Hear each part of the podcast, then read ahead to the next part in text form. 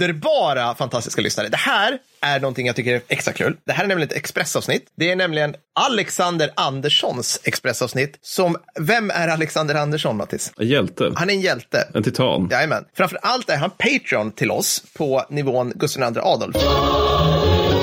Och är du det i sex månader, då får du liksom bara bestämma ett eget avsnitt. Du får ett eget avsnitt. Du kan säga så här, Per och Mattis, jag vill att ni gör ett avsnitt om den ärorika sms-konversationen jag hade med min granne vars hund skällde. Och jag vill att ni framställer det som ett krig. Då kommer vi göra det Lätt. om vi får tillgång till sms-konversationen. Det vill. Det tycker jag är en bra idé. Jag tycker också det är bra det. Mm. Alltså jag väl också säga det. Ni som är G2 är hjältar även av det skälet att många av er har nu väntat en liten stund på att få ett Expressavsnitt. Ja, för vi har en backlog som det så fint heter. Men Eh, vi ja. jobbar på den. Vi ska försöka bli bättre, vilket vi har lovat länge. Precis. Vi skulle säkert bli bättre om vi höll tiderna på de här avsnitten så att Fredrik inte har den här bekymmersrynkan, den här pulserande ådran som jag ser. Nu ska vi prata i ett Expressavsnitt i tre timmar. Ja, om- exakt. Fredrik, är det okej om jag drar över lite? För det här var satans intressant. Oj, oj, oj. oj. Ja, men det är det som jag tycker är kul för att alla ni G2-are vars Expressavsnitt vi har gjort, ni har så, alltså ni har orimligt bra, ni, alltså, ni, ni har bra smak Ja. faktiskt. Alltså så fort vi börjar läsa på om det ni vill prata om, att vi pratar om, så bara, det här var intressant. Mm. Och jag menar just det här ämnet tycker jag, det, det skriker ju Per Wallin över det. Ja, tack, tack. För vad är det vi ska prata om? Kapitalismröveriet, eh, antar jag. Jag vet inte vad det, det, är- det är vi i höga för högen som tycker det är ja. fantastiskt. För jag ska nämligen prata om kapare.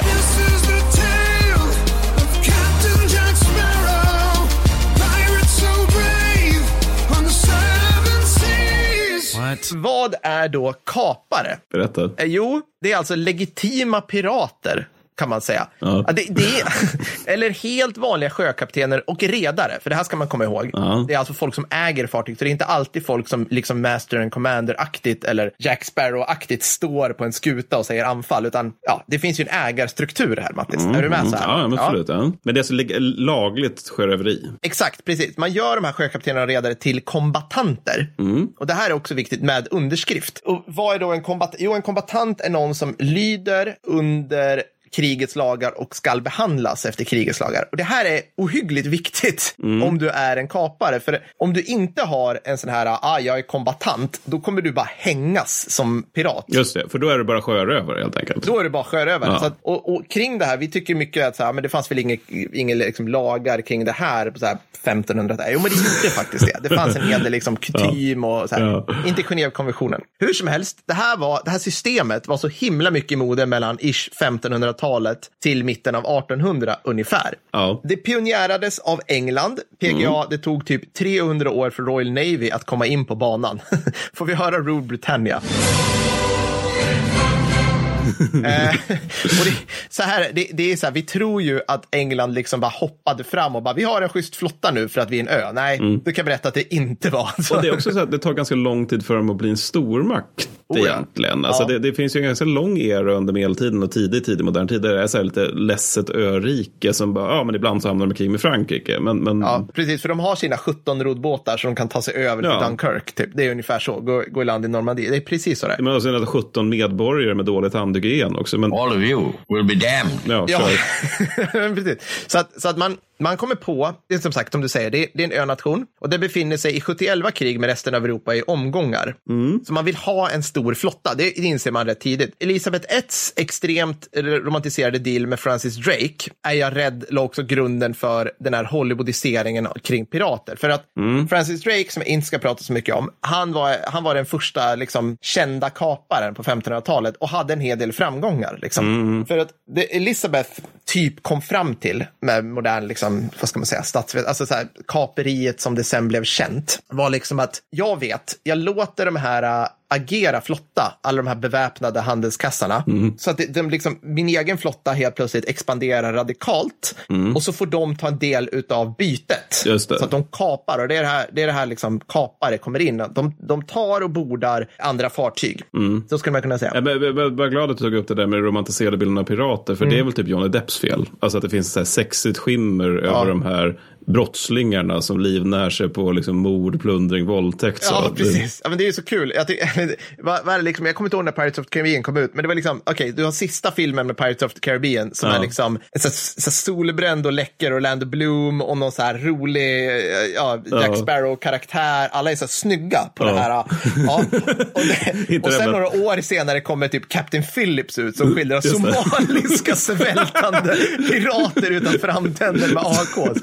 Älskar liksom bara, Pirates of the Aden-Gulf. Ja, precis. Det var så här pirater ser ut på riktigt. Och så är det ju såklart i, i stor utsträckning här. Ja. Men vi, vi, det här är ju i första hand en affärsidé att bli kapare. Ja, så ja. varför ska då skeppsredare Mattis med sin gamla smugglarkompis Fredrik utrusta ett gäng förvuxna fiskebåtar med kanoner och ge sig ut för att leta fartyg tillhörande den leder fi? Det låter farligt liksom. Alltså det är en dålig, det kan vara en Synnerligen. dålig affär. Jo, för att det kunde vara så ohyggligt lönsamt Ja, ja. ohy- alltså, att kapa ett fiendefartyg, och när jag säger fartyg menar jag inte för att man ska knipa en dansk örlogsfregatt, utan att mumsigare, typ en danskflaggad handelsskorv full med omotiverat alkoholiserade Tuborg-troll. det är den du vill sikta Mm, på, som, är, mm. som, som har Jag tycker om det så här i lasten. Ja, Ja, ja. jajamensan. Det gör att man sedan kan sälja fartyget och få in ohemult med stålar. De här stålarna kallas för prispengar. Mhm. Okej, alla är med så här. Och fartyget var då priset. Hur som helst, de här stålarna fördelades mellan ägarna först och sen mellan hela besättningen där man fick större del av kaka ju längre upp i hierarkin man var. Mm. Beroende lite på tidsperiod, land och monark så skulle kronan ha sin del också. Så var det oftast. Så att Mm. de liksom, de, det, det är liksom betalningen. Hur mycket pengar rör det sig om, Mattis? Alltså, jag bara tänker, eftersom du ställer frågan, Mm. så, så har jag bara något så här vagt minne av att han Drake gav sig på de här spanska silverskeppen som åkte över Atlanten. Mhm. Så jag skulle, och med tanke på att liksom det, det innehållet i guld ledde till att priset på guld gick ner i hela världen för att det var så Ja. fruktansvärt mycket guld.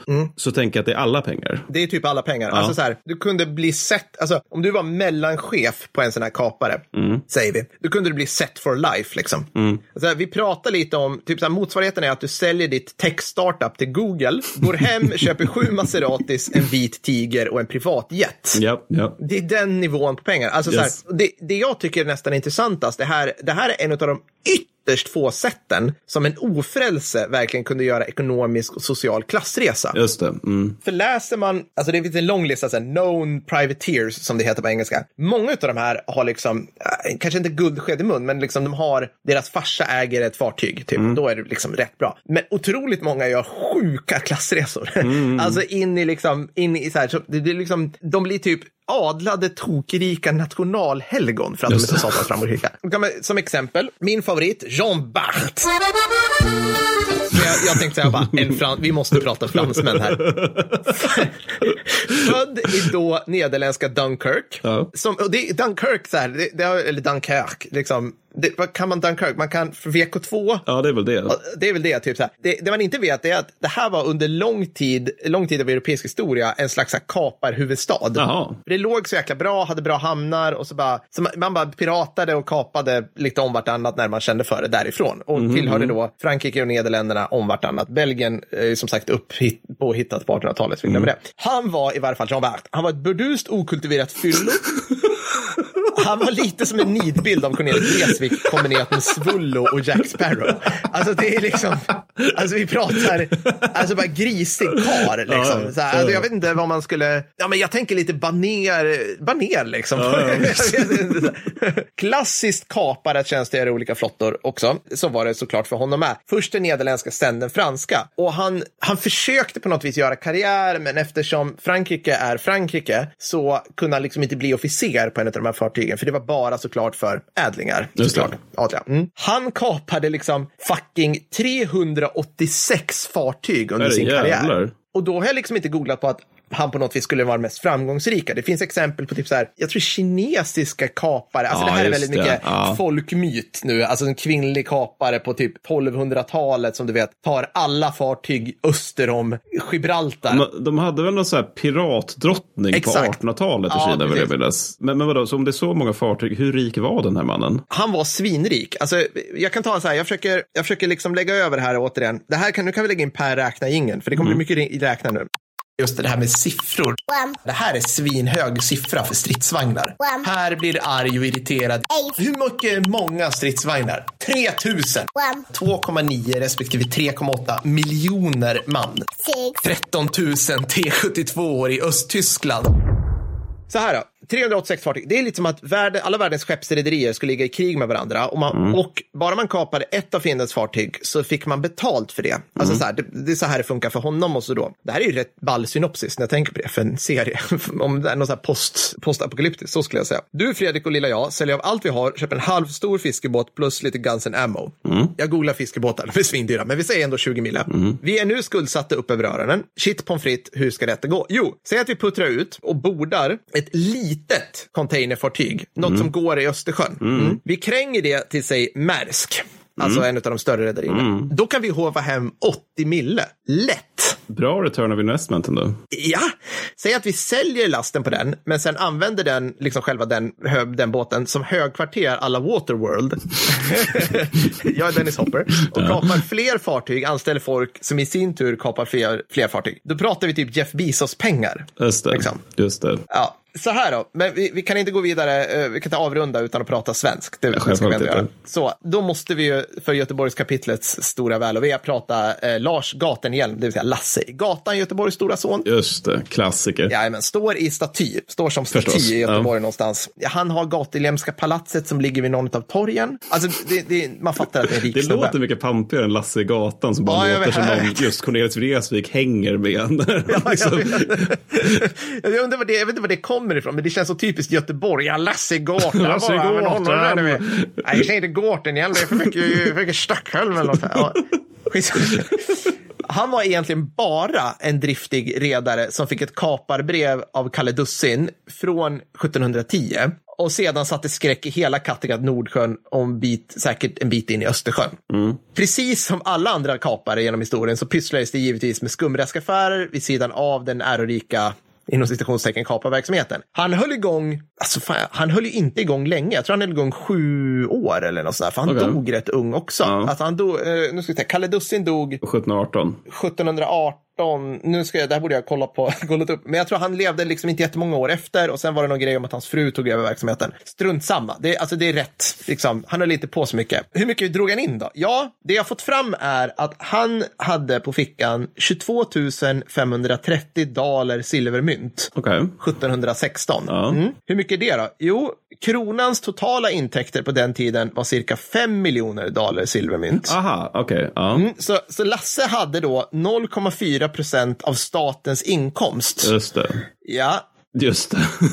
i 2022s inkomster till staten, inte BNP, så, är, så är, då fick staten in 127,1 miljarder kronor på något Ja. vis. Alltså bara rakt in på bankkontot för farbror staten. 0,4 procent av det är då ungefär 508 miljoner kronor. ja, men det är en respektabel summa får man säga. Det är en respektabel summa. Alltså, det är ju så här, okej, det är småpotatis om man kikar på dagens rikaste svenskar, typ H.M. Persson och så här. Ja. Men till skillnad mot dem så kan jag, kan jag verkligen se framför mig att Lasse hade det här i en skattkista. Ja, ja. alltså, så, här, så han kunde bara, ja, smack, alltså casha grejer lite till höger och vänster. Så här. Vilket jag tycker är en, en tryggare form av, liksom, vad ska man säga, investering. Nej, jag vet inte. Det, det är ju såklart rövarbaron, men det är ändå Jo, roligt. Liksom. Men, men också eh, frågan hur, liksom, hur rik var Sveriges rikaste person på, på, på 1700-talet? Jag menar, de kanske inte var så där jättemycket rikare då än Nej. att man hade 22 000 silverdaler. Nej, jag, jag tror verkligen att han var svinrik. Liksom. Och det, det är säkert, alltså, han var nog, gick nog runt och var med spenderarbyxorna på och gjorde Göteborg. Eller typ, han var från Onsala, vad nu det är för någonting. Eh, så. Men det måste jag säga, jag nämnde ju det här att de blev nationalhelgon. Ja. Något som jag skummade förbi var att John Bart i, har en staty såklart i Självfallet, Dunkirk. ja. Mm, som man varje år har någon form av ceremoni kring där stadens bybor fortfarande samlas och Okej. gör någon så här tillber det här, det här kapargruvfyllot.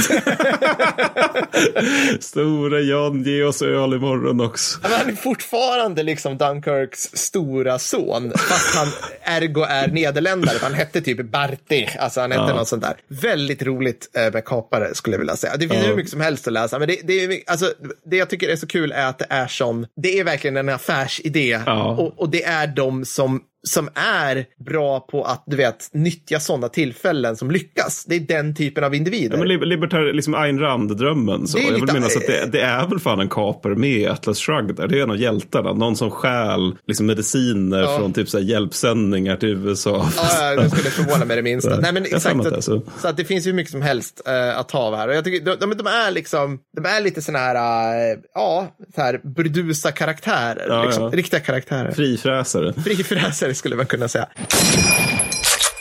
Ja, det var det. Alexander, du är en underbar individ. Tack så hemskt mycket för att du är vår arbetsgivare. Stort tack för det. Så hörs vi sen. Ha det bra. Ha det bra. Hej då. Hej då. Here we go. Uh, Lonely Island, Michael Bolton.